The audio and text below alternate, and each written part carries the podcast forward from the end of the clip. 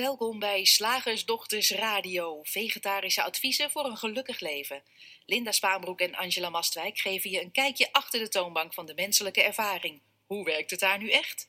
Wij maken gehakt van ingewikkelde concepten en fileren met liefde ook jouw leven. Dat alles onder het motto geluk. Mag het een onsje meer zijn?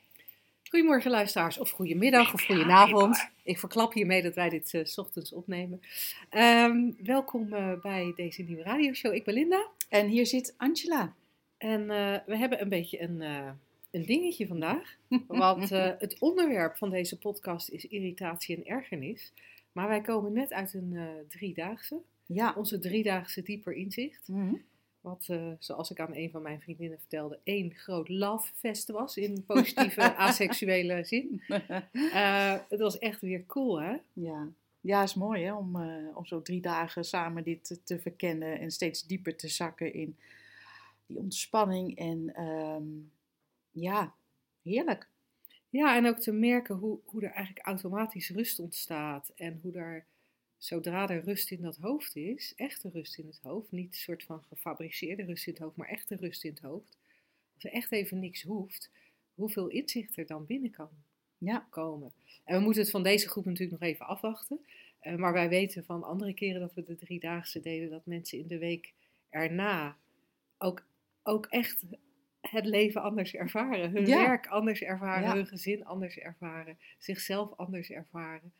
En, uh, en, en dat dat blijft. En dat is natuurlijk super, Ja. super cool. Dus um, ja, om dan ineens over zo'n onderwerp als irritatie en ergernis te gaan praten, is nogal een dingetje. Dan moeten we, Maar, weer even, moeten we even gaan graven. Wat was dat ook alweer? Irritatie en ergernis. Nou, gelukkig had ik voorbereid. hè, en wat ik had, wat ik had opgeschreven ter voorbereiding is. Um, erger jij je soms ook zo aan dingen of andere mensen? En wat doe je dan? Hè? Voor zover wij het kunnen zien, ga je al, dan al snel over tot één van de volgende dingen. Uh, A. Je drukt de irritatie weg of je denkt hem weg. Oh, het valt wel mee. Oh, ik moet me niet te druk maken. Of uh, optie B. Uh, je gaat de situatie verbeteren, zodat je irritatie verdwijnt. Mm -hmm. Nou, dus als ik samenwoon met een man die mij buitengewoon irriteert, dan ga ik bij hem weg of ik stuur hem weg. Als Ja. ik een baan heb waar ik me erger aan mijn collega's, ga ik weg. Als ik me erger ehm, aan eh, bijvoorbeeld de buren, dan eh, dus, ga ik verhuizen. Ja. Eh, we zijn heel goed in, in, in dat soort manieren om, om ergernis of irritatie te laten verdwijnen. Of vermijden. En, en optie C is de ander duidelijk maken dat zijn of haar gedrag moet veranderen, zodat jij geen ergernis ervaart. Doe eens rustig. Ja, mijn kind komt thuis. Laat zijn schoenen weer in de gang liggen. Nou, dan moet hij dus gewoon mee stoppen. Ruim eens op. Nou, wij willen graag met je mijmeren over eh, de wortel van irritaties en ergernissen. En hoe inzicht in de drie principes ook hier voor veel meer gemak kan zorgen. Ja. En dan kunnen we in zo'n radio-uitzending natuurlijk nooit dat diepe inzicht met je. We kunnen nooit zo, zo diep gaan als in, uh, in een driedaagse. uh, daar is er in februari weer een van. Dus uh, schrijf je gerust alvast in. Ja. Wij zijn er klaar voor. Vooral als je altijd zo geniet van deze drie kwartier. Hè, dan is een driedaagse ja. natuurlijk uh, geweldig. Ja. Maar we kunnen natuurlijk even wel, wel in ieder geval een beetje kijken van... Ja, uh, is even aan de oppervlakte krabben van die irritatie en ergernis. Ja. Deed jij dat vroeger veel, je ergernis? Oh, ja, best wel. Ik ergerde mij aan van alles en nog wat. En um, um, vooral aan, um, dat is, als ik, nu, als ik dit nu uitspreek, dan denk ik, oh wat erg eigenlijk, wat ergelijk. aan dat andere mensen dingen niet snel genoeg deden of begrepen. Mm. Ze moesten wel... Ja, ja. ja, ja weet je, het is al, alles is heel simpel. Gewoon even hup hup. Ja, en nou, als je dat niet begrijpt of ergens langer tijd voor nodig hebt, nou, schiet eens op, kom, kom, hop, hop. Ja, zo, zo ingewikkeld ja. is het niet. Ja, waar ik, waar ik veel ergernis over had, uh, was uh, bijvoorbeeld in restaurants. Oh ja? Weet je, dat ze daar niet klantvriendelijker waren. Oh. Dat ze daar niet sneller je kwamen opnemen wat je wilde drinken. Dat het toilet niet schoner was. Dat de tafel niet beter gepoetst was. Oh, dat ja. het schortje van de serveerster niet schoner was. Oh, wat grappig. Ja, dat, dat herken ik dan weer helemaal niet. Ja, zo kan je zien dat het ook vrij willekeurig is van waar uh, zo'n gevoel als ergernis of irritatie uh, aan gekoppeld is voor, voor, voor ons. Ja. Hey, zit er, wat in mij opkomt, ik weet niet of het waar is hoor, zit er als er ergernis of irritatie is, zit daar dan niet altijd een soort verbeterdrang achter? Ja, Dit kan beter, ja, dit zou beter moeten. iedereen moet gewoon zo snel denken als ik. En in jouw geval, alle gastheren in restaurants moeten even schoon en klantvriendelijk zijn als dat ik vind dat ze moeten zijn. Dus eh, ehm, ja, er zit natuurlijk een hele ja, dikke laag achter van eh, de wereld moet zich wel aanpassen aan mijn normen en waarden Ja. en ideeën over hoe de dingen moeten. Ja, want dat, zit ik, dat, dat, dat is wel wat ik dan inderdaad hoor in de woorden die je zegt. Hè, want we, we leggen irritatie graag of snel bij iemand anders. Misschien herkennen we ook nog wel dat de irritatie aan onze kant wordt opgewekt.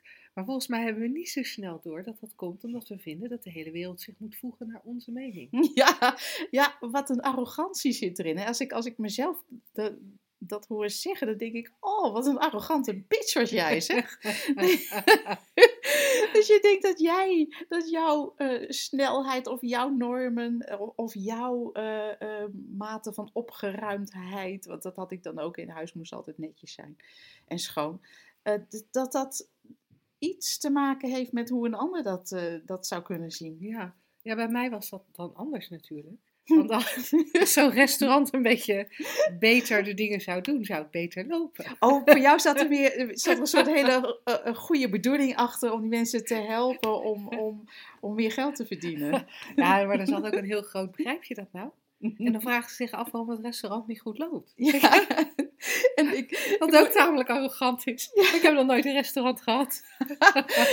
en ik, ik moet dan ook denken aan de uitspraak die we, die, die we vaak horen. En ik weet eigenlijk niet meer of ik dat dan ook eh, wel zei, maar van, dat doe je toch niet? Dan, dan, oh ja, nee, Nee. bijvoorbeeld bij rotzooi in de berm gooien, bij blikjes in het bos, bij, eh, bij, bij plastic op straat. Dat doe je toch niet? En dat is eigenlijk een hele rare uitspraak, want blijkbaar doe je het wel, want het, want het ligt er. dus er zit een heel gek verzet in. Het is er, maar het moet anders. Ja, ja, want, ja, want dat zou beter zijn. Ja. Al dan niet voor de persoon in kwestie. Ja. Of eh, eh, zeg maar omdat jouw maatstaven nou eenmaal beter zijn dan die Ja. van een ander. En waar we, waar we denk ik totaal aan voorbij gaan, is dat nou, jouw mening er niet toe doet. Zie je onze radio, hadden we daar een radio-uitzending Ja, over of ja. een video? Oh, volgens mij allebei denk- wel. ja, ik denk Want dat, dat vinden wij zo'n leuke uitspraak. Jouw mening is echt zo niet interessant. En, ehm, ja, zeg het eens. Ja, ik zie gelijk allerlei praatprogramma's die ik overigens al jaren niet heb gezien. Maar waarin mensen aan tafel worden uitgenodigd om hun mening te geven over actuele zaken of andere dingen. En dan denk ik, uitgaand van, van wat wij zeggen, dat je meningen gewoon niet toe doet. Omdat het een van de 7,5 miljard invalshoeken is voor eh, een, een, een, een van de 7,5 miljard manieren waarop je een situatie uit kan leggen. Ja. En dat het totaal niet belangrijk is, omdat je, wat ons betreft, beter kunt kijken naar, eh, naar de gemeenschappelijke delen van hoe komt dat tot stand. En ehm, ja, dan is, het- is de mening niet meer zo interessant. Nee, dat rijmt. Ehm, dus dat, dat, dat beeld had ik van dat, dat we eigenlijk zo, zo gehecht zijn aan meningen en het interessant vinden en er eindeloos over kletsen. En elkaar ook Maar- bevechten en bestrijden daarin. Maar daar, daar zit natuurlijk ook een heel interessant eh addertje onder het gras, waardoor het wat moeilijker wordt om het te zien. Want degene die, die ons de radio, het, het onderwerp voor deze radioshow aanreikte, haar, haar insteek was, hè, zij, zij had in de gaten dat ze zich kapot ergerde aan een van haar kinderen. En, Ja. eh, en, en, en dat, dat er voor haar wellicht was, wat te zien was. Mhm. Maar voordat we dat gesprek hadden, waarin zij inderdaad iets nieuws voor zichzelf zag, was haar uitgangspunt, in, hè, nogmaals in eerste instantie, ja hoor eens, hij gooit zijn schoenen daar neer, gaat vervolgens wat anders doen. Ik ben hier de hele dag in huis. Ik kijk de hele dag tegen die rotzooi aan. Er zit ook weer een soort leuk subtiel slachtofferschap schap in. Hè? Daar hebben we ook een radio-uitzending over gemaakt. Dit is, gaat allemaal over mij en ik ben sneu. Ja, ja, ja, oké, oké. Maar ik verdedig, ik verdedig even de, de, de- onze klant die deze vraag inbracht. Dat zeg je nou wel, maar het is geen slachtofferschap. Ik zit ook echt in die rotzooi. Ja. Moet ik dan gewoon, nee, nu zijn het alleen een paar schoenen, maar voor je het weet, is het niet alleen een paar schoenen, liggen er ook stapels boeken, blijven de hockeykleren liggen. Ja. Uh, wordt uh, de, de kattenbak van de hond niet verschoond, uh, van de kat bedoel ik, dat stinkt. En dan zit ik daar dus thuis, ja, omdat ik toevallig even niet werk.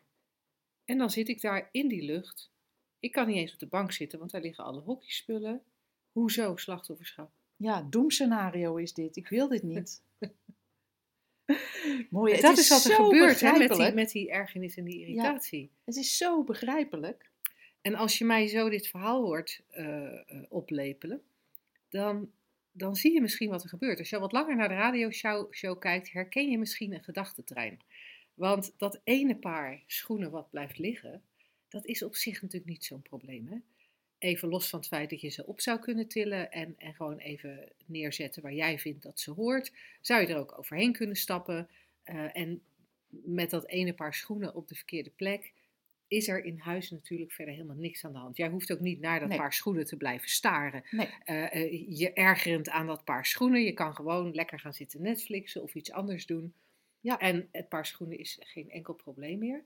Maar wat gebeurt er? We zien een paar schoenen en A, er, stapt een, er start een gedachtentrein en B, we nemen het heel persoonlijk. Ja. Zullen die twee even En uit, serieus. eh, uit- en, en drie serieus. ja. Zullen we, zullen die even uitdiepen? ja, dat is leuk. De gedachtetuin, je hoorde hem mij al zeggen, er ligt een paar schoenen en vervolgens komen er heel veel gedachten die, die eigenlijk niks meer met die paar schoenen te maken hebben, maar met onszelf.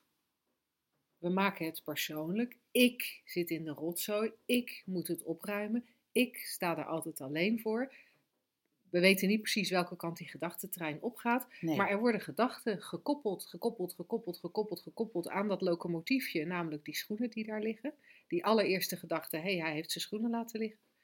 En al die gedachten die daarna volgen, die gaan ten eerste allemaal over mij. En ze gaan over de toekomst, wat er in de toekomst allemaal misgaat als dit zo blijft. Ja. Als dit zich doorzet. Hè? Want nogmaals, dat paar schoenen is het probleem niet. Maar het feit dat wij denken dat het erger wordt, wordt is Ja. een probleem.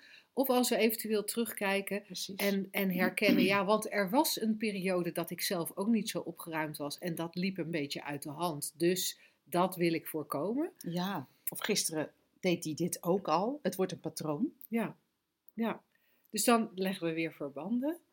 Ehm, en, en door het ook op onszelf te betrekken, door met name die gedachtentrein van al die vreselijke dingen, daarmee creëren we eigenlijk een, een enorm ernstig probleem voor de toekomst. We projecteren een probleem in de toekomst, wat allemaal over ons gaat. Ja, en allemaal vrij, vrij, eh, ja, vrij ernstig is en vrij negatief en vrij... En zoals jij net al zei, wat we heel serieus nemen. Ja, Want al die gedachten die in ons opkomen, die nemen we serieus. Weet je? En, en, en ja, ik vertel hem gewoon nog een keer. Ik doe het bijna elke week. Maar het is logisch dat dat gebeurt, want elke gedachte die in ons opkomt, wordt door het bewustzijn geanimeerd. En die animaties leveren gevoel ja. Nou, daar ga je. Het voelt heel echt. Ik zat net te denken dat elke locomotief van gedachtentreinen volkomen neutraal is. Die kan overal heen. Ja. Met zo'n met zo'n gegeven van, daar liggen een paar schoenen. Dat, dat is volkomen neutraal. Die, die trein kan, nog, die, die kan zelfs nog naar wat ben ik ongelooflijk dankbaar dat ik dit kind mag verzorgen. Ja, of wat ben ik ongelooflijk dankbaar dat dit kind kan lopen en dus schoenen nodig heeft. Wat ben ik ongelooflijk dankbaar dat wij in staat zijn om zulke mooie schoenen voor dit kind te kopen. Ja. Dat is heel interessant dat we meestal toch dat die, die, die volkomen neutrale locomotief eh, de andere kant op sturen. Ja, ja, want het kan ook nog, dat schiet me nu ook te binnen, het kan ook nog zijn, wat, wat, wat is het ook, een, schatje. Ah. Hij, het lukt hem maar niet om aan die Oh, schoenen nee. te En, denken. en, en, hij, en hij is dan al zo geïnspireerd om aan zijn, eh, zijn, zijn game te beginnen. Ja. wat boven wacht met op de Playstation. Dan is hij al zo vol daarvan dat hij, hij komt binnen en hij gooit dan die dingen in de hoek. En dan rent hij naar. Oh, het is Ja. echt zo'n heerlijk en, ook, kind. en ook, weet je, die, die schoenen gooit hij dan in de hoek, omdat hij weet dat ik het niet fijn vind als hij ermee naar boven gaat. En dat is Ja, toch tof dat hij daar aan dat hij ze gewoon uittrekt. Ja. Dat ik dat niet, niet hoefde te zeggen. Ja. Nou, het is echt fantastisch. Ja. Zou kunnen. Gebeurt meestal niet. en dan zit, daar zit natuurlijk ook iets interessants in. Van, Ja. Oh, dat, dat we een soort, in alle onschuld, hè? want het is natuurlijk niet iets wat we expres doen. Ik zie het echt, ik weet niet hoe jij dat ziet Linda, maar echt als een gewoonte. Echt, echt aangeleerde gewoonte dat die gedachtentreinen, die volkomen neutrale locomotieven, dat we die eh, richting eh, het is niet goed genoeg centraal sturen. Ja. Ja. richting irritatie west. en volgens mij, ik, ehm, ja, irritatie en ergernis, het is eigenlijk een soort continu vergelijken ve- met wat jij wil met hoe het er voor je uitziet. En, en daar, zit, daar zit dan een, een, eh, een verschil tussen. Ik wil dat alles netjes en opgeruimd is. En het is niet zo. Ja. ik wil dat jij direct in twee zinnen, bij voorkeur één, begrijpt wat ik zeg. En dat doe je niet.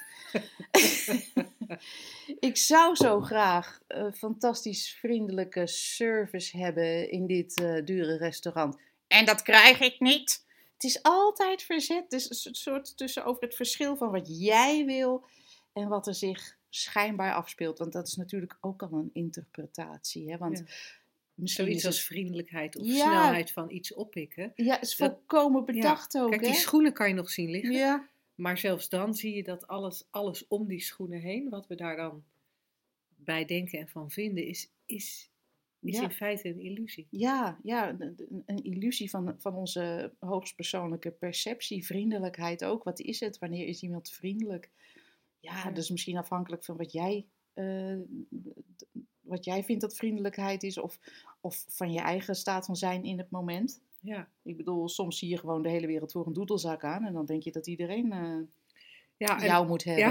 ja, ja en, en nou zou het kunnen zijn dat je ons meent te horen zeggen, ik moet dus iets anders denken. Nee joh. En dat zeggen we niet. Wat we eigenlijk alleen maar aangeven voor, voor nu, voor dit moment, voor deze radioshow, in zo'n driedaagse waar we het net over hadden, zouden we eh, nog heel veel eh, verder en dieper daarop in kunnen gaan. Maar voor nu, wat we, wat we eigenlijk zeggen is, zie je wat er gebeurt? Zie je dat, dat er een locomotief is, schoenen, of een vuil schortje in een restaurant? Of een vragende blik in de ogen van je gesprekspartner. En dat en dat, dat, dat aan jouw kant van alles aan gedachten oproept, verzet oproept. En, en dat idee van de, de, de, de, het moet anders zijn dan het nu is. En als je daar het bij zou kunnen laten, moet je kijken wat er dan gebeurt. Dat is echt heel fascinerend om te gaan zien wat er dan gebeurt. Om te herkennen, oh man, er wordt hier inderdaad van alles gecreëerd. Ja. Er kan letterlijk een nieuwe wereld voor je opengaan. Waarin je niet een arrogante bitch bent. oh, heerlijk. En ik wil even, even als afsluiter ook nog, ook nog zeggen dat we dit ook wel, wel eens richting onszelf doen. Hè? Dat je je aan jezelf ergert. Ja. Jeetje, jeetje, kan ik nou nog niet stoppen met roken? Of zit ik nou weer aan de chips? Of weet ik veel, dat hè? Dan is het ook... Ja, ook loop dan- ik me nou weer te ergeren aan die schoenen? Ja. Ik erger me zo aan mijn eigen ergeren. Ja. ik, ik heb nu toch wel best wel inzicht in die drie principes en hoe dat allemaal werkt. En nu hè, erger ik me weer. ja. En nu kijkt onze shifthondje Olly overigens geërgerd op, Angela. Want je zit daar toch een beetje te... Ja, een beetje te luidruchtig te te, zijn. En ik lag net zo lekker te slapen op, bovenop jouw handtas. Wat dat nou weer is. Goed, ehm, irritatie en ergernis. Eh, we hopen dat je er iets aan gehad hebt. En eh, misschien blijven er vragen over. Stuur die dan gerust naar vragen.shiftacademy.nl of vragen.slagersdochters.nl. Dan gaan we daar eh, in een andere radioshow of op andere manier mee aan de slag. Gaan wij nu over naar de luisteraarsvraag. Zeg, slagersdochters, hoe bak ik die vegaburger? Over naar de luisteraarsvraag. Nou, vandaag hebben we een vraag toegestuurd gekregen van Annemieke. En ehm, zij heeft eh, haar vraag zelfs een titel gegeven, The Power of Speech. Eh, en dit is wat ze ons schrijft. Ergens ben ik gaan geloven dat mijn woorden macht hebben. Omdat ik heb gezien wat er gebeurt met mensen tegen wie ik iets zeg. Voordat ik heb gezegd dat, voordat ik het gezegd heb, zijn ze gewoon oké. En nadat ik mijn woorden gesproken heb, zie ik hoe er iets in ze gebeurt. Er zich boosheid ontwikkelt of verdriet, of ik zie hoe ze zich van me afwenden. In mijn vroege jeugd begreep ik dit niet en voelde het ons extreem onveilig. Ik sprak eerlijk uit wat ik dacht op het moment dat me om mijn mening werd gevraagd, maar dit, maar dit had zo'n voor mijn ongewenst effect dat het me bang maakte. Ik besloot, denk ik, ergens dat het niet veilig was om me uit te spreken, omdat er dan iets kon gebeuren bij mijn gesprekspartner wat ik niet kon voorzien en waar diegene vast ook niet op zat te wachten. Want voordat ik het zei, was hij zij nog gewoon oké en daarna was er de extreme emotie. Ik zag als het ware hoe die ander zichzelf verloor. Dat was wat ik niemand toewenste en blijkbaar was ik de veroorzaker. Ik zie nu wel dat ik alleen kan verschijnen in het moment en er dus nooit iets fout kan zijn, maar zou jullie toch willen vragen of jullie bovenstaande ervaring voor mij in het licht van de drie principes zouden kunnen duiden? Nou, wat mooi. Ja, wat een coole vraag. En ook uh, de, de. Er zit ook zo'n zo'n aanname in, en, en heel, erg, heel erg logisch, van hoe we gewend zijn te denken en hoe we gewend zijn te interpreteren, omdat we niet weten dat, dat, dat onze ervaring van binnenuit wordt gecreëerd. Uh, ik, ik, ga even misschien, het lijkt even uh, niks met het onderwerp te maken te hebben, maar ik denk dan, ik doe de social media hè, voor, voor Shift Academy, dus ik verblijf regelmatig op Facebook en Twitter. En dan vooral op Twitter is er heel veel uh, gedoe vaak over mensen die gekwetst zijn. Mhm. Door, nou, je echt, je kan het niet verzinnen of er is iemand gekwetst over. Er is een, een filmpje over dieren en dan is men gekwetst omdat dieren zo behandeld worden. Of er, is, er wordt een woord gebezigd en dan is men gekwetst omdat men tot een bepaalde bevolkingsgroep hoort, een bepaalde huidskleur heeft, een bepaalde seksuele voorkeur heeft, een bepaalde gebeurtenis heeft meegemaakt uh, die vrij ongewenst was, een bepaalde achtergrond heeft, een bepaalde politieke voorkeur heeft. Echt, je kan het zo gek niet verzinnen of mensen grijpen het aan om, om, om gekwetst te zijn. En dat lijkt dus dat er iets van buiten jou is wat jou kan kwetsen. En dat is in onze optiek niet mogelijk. Het is wel zoals we gewend zijn te denken. Maar als je ziet dat je hele, hele realiteit in elk moment, je hele menselijke ervaring, dat die van binnenuit gecreëerd wordt, dan kan Linda van alles tegen mij zeggen. Maar als ik het niet op een bepaalde manier interpreteer. En het is niet alleen wat ze zegt, niet alleen haar power of speech, maar ook hoe ze kijkt naar me. Ja, want als ik heel vriendelijk naar Angela kijk en zeg, wat ben je toch een heerlijke truttebol, dan, dan, zal ze het, dan is de kans aanzienlijk groter dat ze het als een soort bijna liefkoosnaampje ervaart. Terwijl als ik, tegen, als ik boos kijk en zeg, wat ben je toch een onwijze truttebol, nou ja, zij moest er toevallig om lachen. Maar je kan je voorstellen dat, dat, dat het dan anders opgevat zou kunnen worden, omdat ook de uitdrukking van mijn gezicht en misschien de klank van mijn stem geïnterpreteerd wordt. Ja. Zegt nog steeds niks over hoe ik het bedoelde. Nee, hè? Nee, er is ook zo'n hele mooie uitspraak en ik kan hem helaas niet zo uh, uh, naadloos uit mijn mouw schudden. Iets van tussen wat er gezegd en bedoeld wordt en wat er gehoord en geïnterpreteerd wordt, zit een wereld van verschil vaak. Ja. En um, dus die power of speech, die lijkt er inderdaad te zijn. Maar de, maar de vraag is dan even, degene die het zogenaamd ontvangt, ja, hoe interpreteert die dat? Dus power of speech is ja en nee. Dat, het ligt echt, ja. want stel dat jij, um, um, ik noem even, als ik power of speech, als ik daaraan denk, dan zie ik ineens, ik weet ook niet waarom, Hitler voor me, die, die op de radio een toespraak houdt over ik weet het niet, over, over een van zijn ideeën, waar hij rotsvast van overtuigd was. Dus hij houdt een hele krachtige, hele felle, hele overtuigende toespraak, maar niemand heeft de radio aan. Dan ga je met je power of speech. Ja.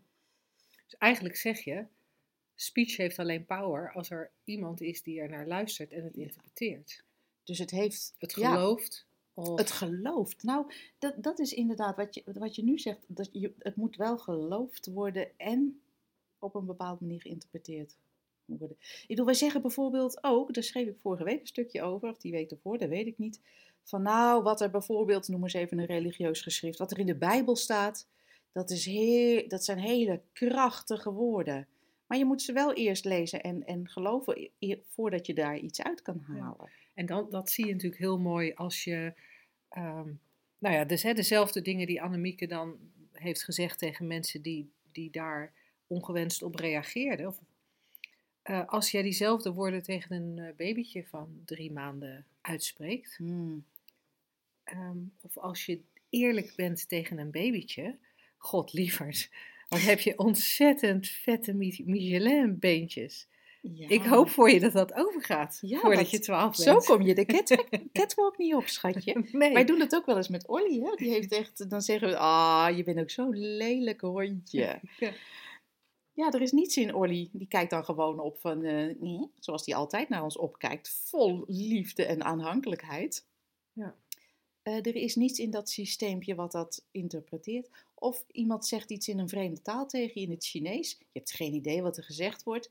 Kan je niks doen, al word je helemaal vol, de huid volgescholden. Het, ja.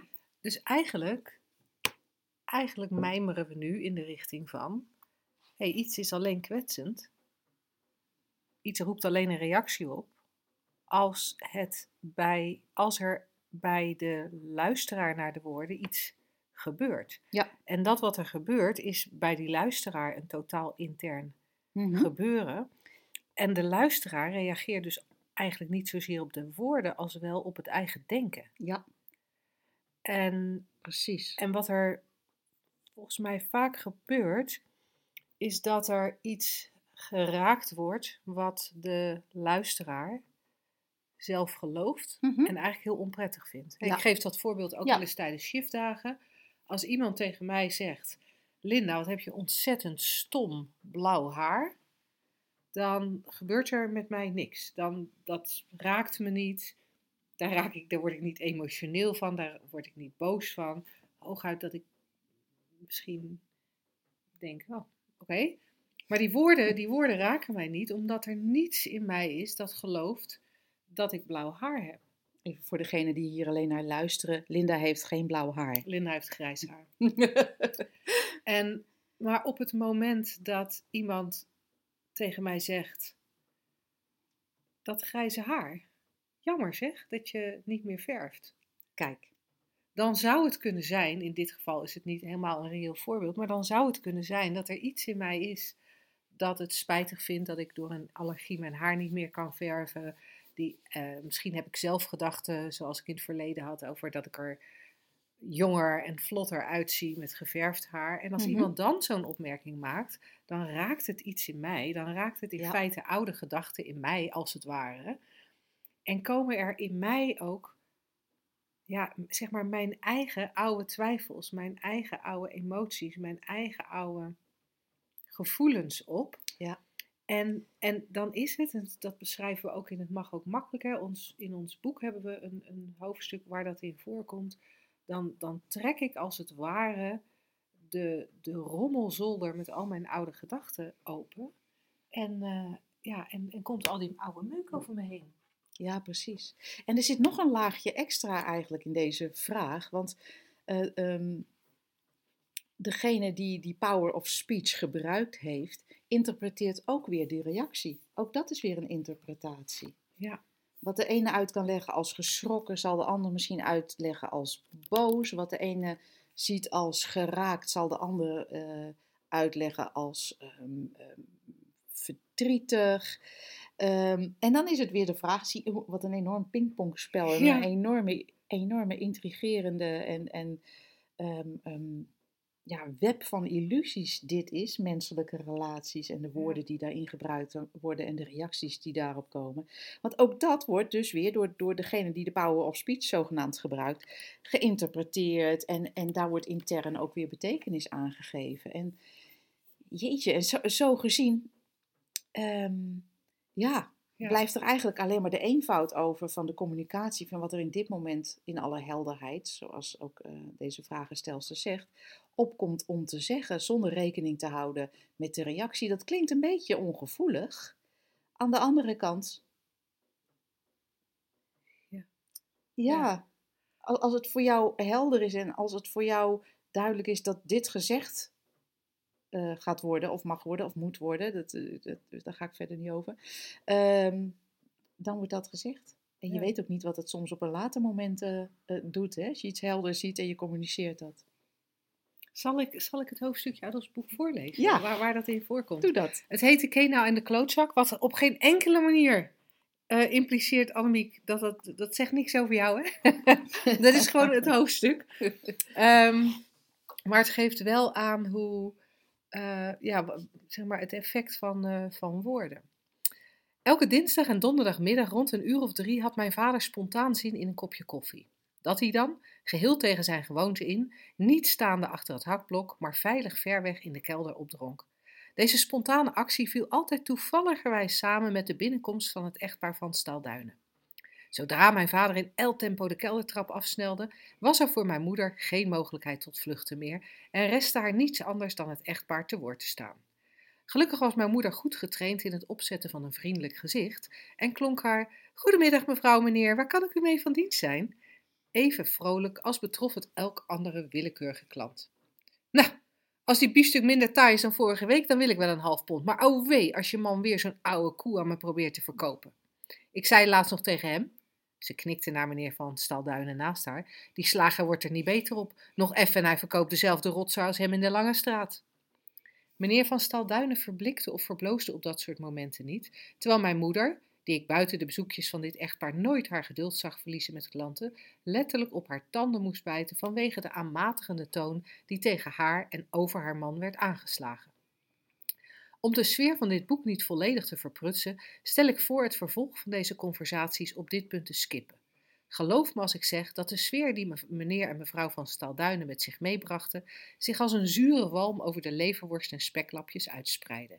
Zij bitchte er in de regel venijn nog even, nog even op los over onze winkel en die van de groenteboer, het leven van de buren, de staat van het dorp in zijn algemeenheid en het gebrekkige karakter van hem naast haar in het bijzonder. Hij op zijn beurt mompelde filijne opmerkingen over haar uiterlijk en haar taalgebruik, terwijl hij kingpepermuntjes uit hun rolletje peuterde en het vrijkomende papier zonder blikken of blozen achterliet op de brandschone tegelvloer. En alhoewel mijn ouders hun uiterste best deden om hun kinderen respect voor alles en iedereen mee te geven, konden ze het hier toch niet laten hun oordeel te ventileren. We hadden te maken met een onvervalste keno en een klootzak. En een stel dat elkaar in de ogen van mijn ouders verdiende en elkaar blijkbaar had gevonden in een wederzijdse herkenning van gemene vuilspeierij. Keno's en klootzakken zijn er in vele soorten en maten, maar ze hebben één ding met elkaar gemeen. Ze laten een spoor van verbijsterde, gekwetste, boze of soms geschokte mensen achter zich. Ze lijken een aanstekelijke giftigheid te hebben die de gemoedstoestand van iedereen waarmee ze in contact komen besmet. Wat, als je het goed beschouwt, een fascinerend fenomeen is. Want al, alhoewel het lijkt alsof een ander bij ons naar binnen kan kruipen en ons een bepaald gevoel kan geven, in werkelijkheid kunnen we altijd alleen onze eigen gedachten ervaren. Gedachten die tot gevoelens en emoties leiden dankzij het bewustzijn dat als special effects afdeling fungeert. We voelen dus altijd wat we denken, nooit wat een ander zegt of doet. Hoe kunnen Kenau en klootzak ons dan toch raken? Blijkbaar zeggen en doen Kenau's en klootzakken dingen die wij als toehoorders geloven.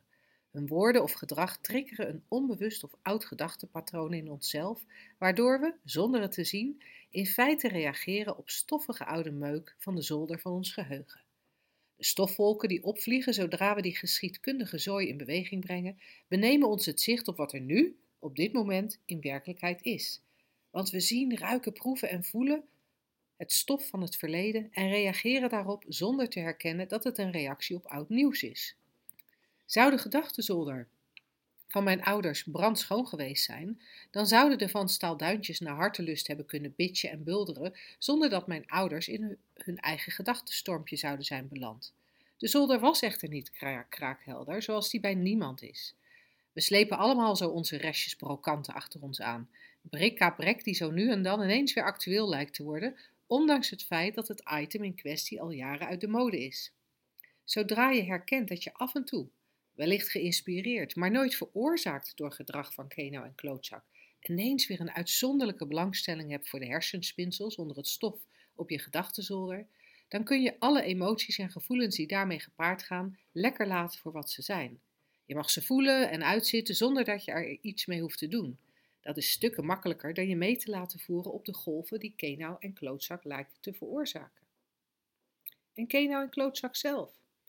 Wij slagersdochters zien de onzekerheid oogverblindend door hun getier heen schijnen. Een niet te stoppen hoeveelheid onzekere gedachten die hen zo'n onprettig, ongemakkelijk en schurend gevoel geeft dat ze er een uitweg voor zoeken. Keno en klootzak kiezen daarbij in hun onschuld voor de ploeterroute. Ze laten de interne druk door al die onbewuste en onzekere gedachten oplopen alsof het een snelkookpan betreft. Die druk moet er vervolgens af. En bitje en bulderen lijkt verlichting te geven omdat het de aandacht verlegt van hun eigen onzekere gedachten naar denken over iets buiten henzelf. Misschien niet fraai, maar voor Keno en klootzak in kwestie wel een tijdelijke verlichting van het oncomfortabele gevoel. Ze zouden ook de antiploetenroute kunnen nemen door in te zien dat het schuren ophoudt zodra er een nieuwe gedachte opkomt. Die zeker weten zal verschijnen, omdat dit nu eenmaal de aard van het systeem is. Geen enkele gedachte is statistisch. Eh, nee, geen enkele gedachte is statisch en gedachten volgen zich in razend tempo op. Dat zou hun leven makkelijker maken. Niet omdat het moet, maar omdat het mag. Kijk, tot zover een hoofdstuk uit Het mag ook makkelijk van de slagersdochter. Woensdag, gehaktdag. Zeg slagersdochters, welk concept gaat er vandaag door de molen? Uh, vandaag een concept van Lonneke, wat Lonneke ons aanreikte. Ze had ergens gelezen, omring je alleen met dingen waar je echt blij van wordt. dat lijkt me heel ingewikkeld. ja? Nou, ja, dan zou ik toch eerst, eerst, eerst aan een, een willekeurig ding ehm, de, de macht moeten geven, de power of happiness moeten geven. Na, na, hè, naar aanleiding van de vraag zojuist van de power of speech. Dan zou ik toch eerst een ding aan moeten wijzen wat voor mij de power of happiness inhoudt. En ja, ik kan dat tegenwoordig toch niet meer ontdekken. Een ding wat, wat van zichzelf uh, uh, iets in mij veroorzaakt dat, blij, dat ik blijdschap noem. Uh, het lijkt zo te zijn, hè? Het ja. lijkt echt zo te zijn. Ja. De dingen die je mooi vindt, of dingen die je fijn vindt, of dingen die je, die je prettig of praktisch vindt. Maar er is, er is echt werkelijk niets buiten jou dat, dat, het, uh, dat het geluk wat je standaardinstelling is. Of, en blijdschap, ja, dat is een beetje een flaky, uh, flaky uitdrukking. Maar er is niets wat, wat bij jou naar binnen kan kruipen. En eigenlijk gaat deze bijna, bijna deze uitzending daarover. En daar een gevoel op kan wekken. Natuurlijk, je kan naar een vaas kijken. Dan moet je eerst bedenken dat het een vaas is. Anders heb je geen idee waar je naar zit te kijken. Dan moet je bedenken, oh, ik vind die, vind, die vaas, hè, die vind ik echt zo mooi. Die kleuren, het staat precies bij de gordijnen. Het matcht ook nog met het vloerkleed. Dat klopt omdat ik die gordijnen natuurlijk ook bij het vloerkleed of andersom heb uitgezocht. En moet je kijken hoe dat daar die hele hoek zo, die hele eethoek helemaal opfleurt. En dan dat boeket rozen daarin. Ik word er echt helemaal blij van. Maar je hoort dat er een hele in dit geval de positieve kant op, als we het zo uh, mogen noemen, gedachtentrein achter zit. Geef niks, hè? Geef niks, dat is, dat is wat we doen en hou daar vooral niet mee op. Maar weet wel dat, er, dat het in essentie niet klopt wat we zeggen. Want als er dingen zijn waar je blij van kan worden, daar zit direct in onze wereld van de vorm uh, die altijd contrast inhoudt, ook het gevaar in dat er dus ook dingen zijn. Ja, ja. daar word ik dus niet blij van. Nee. Daar waar je dus niet blij van wordt. Een paar losse schoenen in de hoek in de gang. Kijk, daar word ik dus niet blij van. En dan, wordt Het, ja, dan stap je weer op zo'n eindeloze race naar alles in de gaten, of eigenlijk alles onder controle houden, je hele omgeving managen, zodat jij maar blij bent, wordt, blijft. Ja, en het, en het is een eindeloze race naar betere spullen, nieuwere ja. spullen, mooiere spullen. Ja. En moet je maar eens kijken hoe lang je blij bent met je, met je nieuwe vaas. Na twee weken zie je het ding al niet meer staan hoor. Nee. nee. nee. nee. En zelfs al is er iets waar je de rest van je leven blij van lijkt te worden. Het is echt jouw uh, iets, een, een, een, innerlijk proces. Wat het wat interpreteert, wat uitlegt, wat, ja. wat waarde toekent aan want, iets. Want als de vaas kapot valt, ja.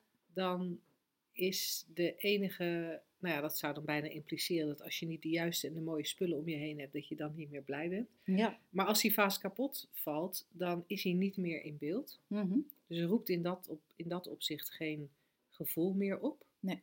Eh, als we al zouden ge- ge- geloven dat die gevoel oplevert. Eh, en, en dan toch kunnen we nog steeds gevoel hebben bij die vaas. Mhm. Maar dan is het nu een verdrietig gevoel. want Hij was zo mooi, nu is hij weg. Ja. En een beetje een boos gevoel, want eh, het kleine dochtertje van mijn schoonzus heeft hem eh, dus eh, Ja. omgegooid. ik wilde er bijna een krachtterm uitgooien. zo leefde ik mij in jouw verhaal. Je, je, je keek er ook zo ernstig verdrietig bij. Ja, dingen waar je blij van wordt. Ja, het bestaat niet. En als je het gelooft, houdt het direct in dat als, als je die dingen niet langer hebt, dat je dan ook niet meer blij bent. En dat vinden wij een beetje jammer. Dat is zo voorwaardelijk leven eigenlijk. Met continu zoeken naar dingen, waar, dingen te doen of dingen te hebben waar je blij van wordt.